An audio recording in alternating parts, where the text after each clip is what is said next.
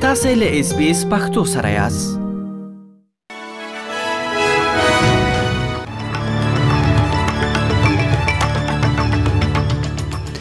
د خبرونو سرټکی د استرالیا لومړی وزیر انټونی البنيزي او د بهرنیو چارو وزیر یا وزیر پینی وانګ په توکیو کې د کوارټ په سرمشریزه کې هغوی له نورو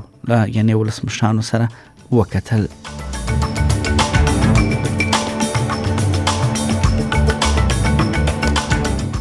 د چین هیواد استرالیا نوی ټاکل شوی صدر اعظم یا لومړي وزیر انټونی البنیز ته مبارکي ورکړې ده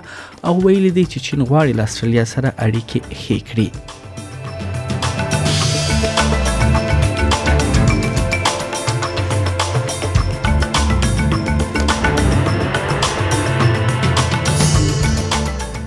په نیو ساوت ویلز ایالت کې د روغتیا چارواکي وایي چې یاد ایالت د زکام وایرس له امله ډیر ځپل شوی دی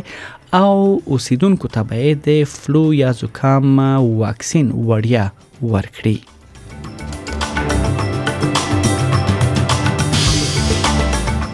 او د بخنه نړیوال سازمان ویلي دي نړیواله ټولنه د طالبانو سره د خزو او جنو د حقوقو په اړه حساب وکړي.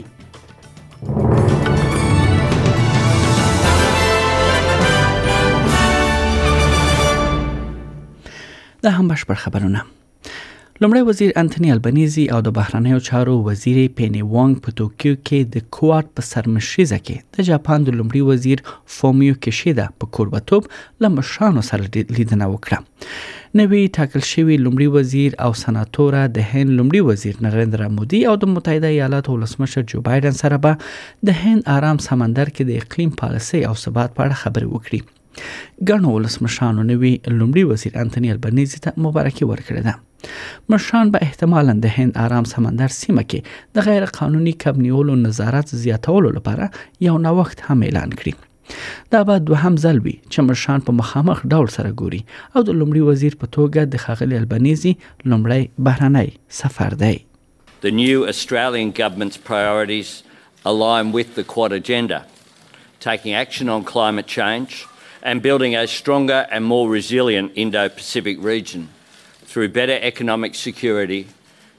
better cyber security, better energy security, and better environmental and health security. د چین هیواد د استرالیا نوی ټاکل شوی صدر اعظم یا لومړي وزیر انټونی البنیزي ته د مبارکۍ پیغام استولی دی خای په ورستیو کلونو کې د استرالیا او چین ترمنځ د سړو اړیکو په موجودیت کې د دغه هیواد صدر اعظم لی کی جیانګ وویل چې بیجینګ غواړي له کمبرا سره دوه اړخیزې ښې اړیکې پر مخ بوزي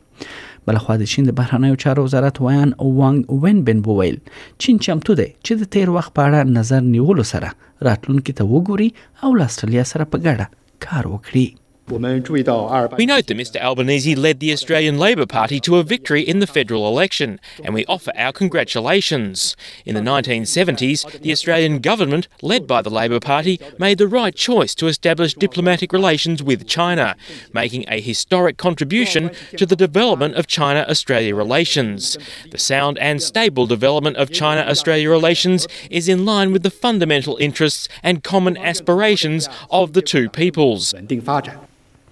د دواړو هیوادونو ترمنځ اړیکې په دې وروستیو کلونو کې خړه پړه شوې وي او استرالیا د چین د ټکنالوژي او په کلیدي بنسټیزو تاسیساتو باندې پانګونه بنده کړې و او بلخوا چین بیا له استرالیا څخه د وارداتو د کمولو لپاره تعرفې او نور تدبیرونه کارولي وو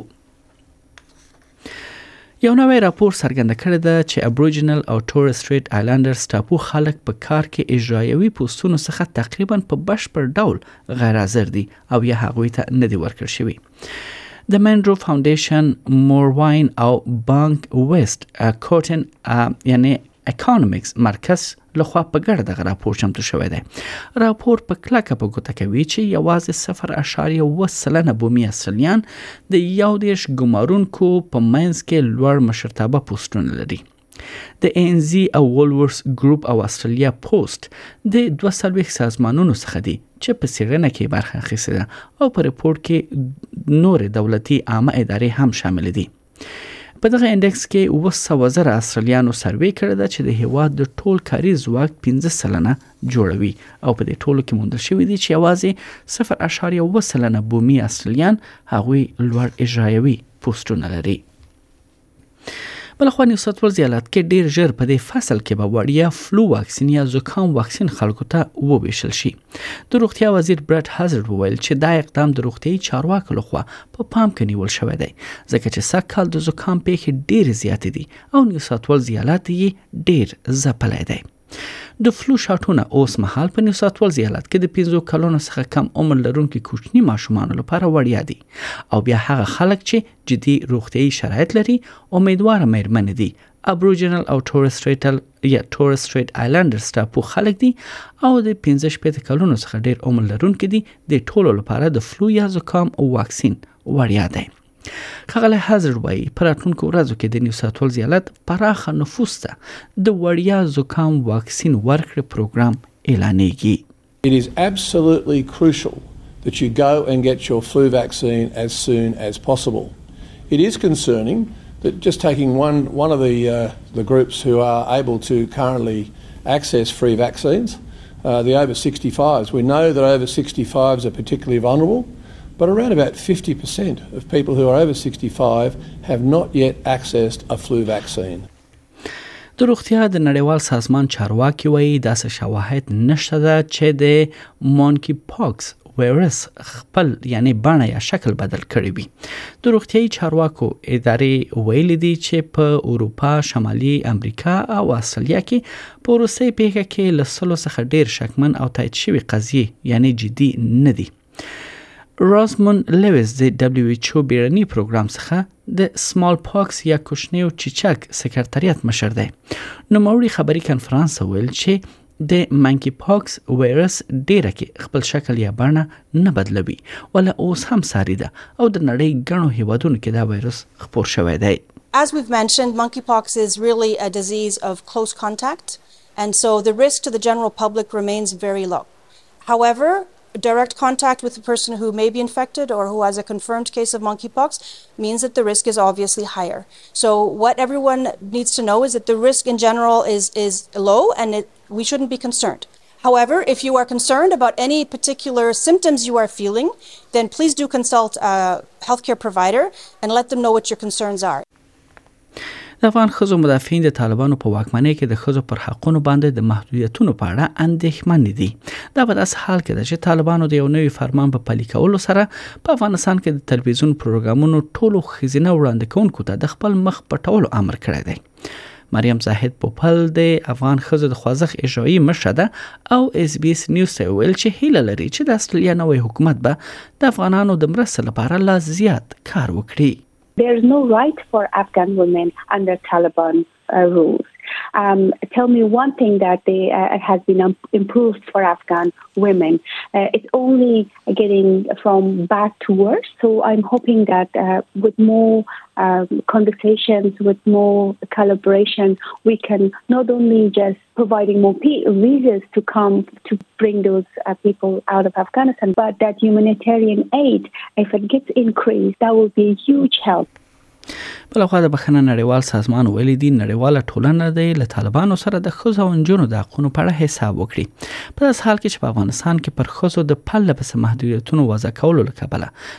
طالبانو حکومت د نړیوالو له فشارونو سره مخ دی اوس د بخره نړیوال سازمان پر نړیوالو غږ کړی دی چې طالبانو سره د پدې حق له حساب او کتاب وکړي د بخره نړیوال سازمان دا څرګندونه تازه پر خپل ټوئیټر پاڼه کړې دي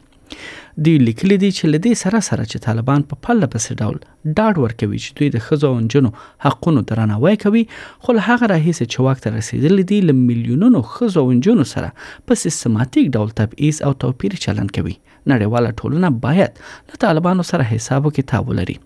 دغه سازمان له خپل ټویټ سره د دوو افغان میرمنو عکسونه هم خبره کړی دي چې یوه یې برقه یا چادري اخوسته ده او بل یعنی په تور ټیکری کې او حجاب کې ښکاری پر عکس همداس راز لیکل شوی دی چې طالبانو له خزو غوښتي دي چې له سره تر پخو باید وپوښتل شي یعنی وپوښل شي او له بیزای غیر ضروری ګرځېدو دي ډډه وکړي دوی وايي چې دا د دوی یعنې د بشر د حقونو تیری دی چې ښځې ورسره په دغه هېواد کې مخ دي. بله خوا بیا د بریتانیې پارلمان د افغانستان څخه د دې هېواد د ځواکونو د وتلو په هکله په څېړنو کې چې نتیجه یې د سېشنبې په ورځ خپره شوې ده ویلي دي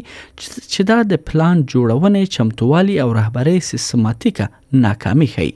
د پارلمان د ولسي جرګې د بهرنیو اړیکو د کمېټې په تحقیقاتو کې معلومه شوې ده چې د 2021 کال د اګست په میاشت کې د طالبانو لخوا د کابل د نیولو څخه وړاندې او د کابل د نیولو پر وخت د ملي اضطراري حالت پر مهال د پلان جوړونې او رهبرۍ اساسي کمبود وو په راپور کې دا هم ویل شوی دی چې د افغانستان څخه زموږ د وتلو رویه ناوړه وه او زموږ د متحدینو سره داسې خیانت دی چې د کلونو لپاره به د برتانیې ګټې زیانمنې کړي.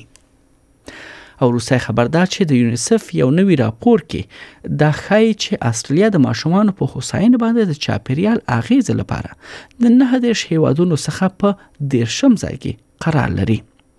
د انسنټي راپور کارت د راپورونو لړۍ ده چې د اقتصادي پلاوه پرمختللو هیوادونو د خپل ماشومانو د حقونو د خوندیتوب په برخه کې د فعالیت سارنه او پرتلای کوي مقاله دا هم ښیي چې په هیواد کې دوه اتیا سلنه ځوانان یعنی په استرالیا کې د اقلیم د بدلون په اړه اندېښمن دي چې دا د نورو شپږو هیوادونو په پرتله بیا تر ټولو لوړه سلنه ښیي که څه هم راپور په ډاګه کړی دا چې استرالیا کې د ککړتیا او د ماشومان دوستانه چاپیریال په سیر مسلو لپاره د لاس غوره هیوادونو په سر کې ځای لري ول بیا هم د یونیسف په استرالیا کې د ماشومان د حقوقو د پالیسي او مدافعي مشر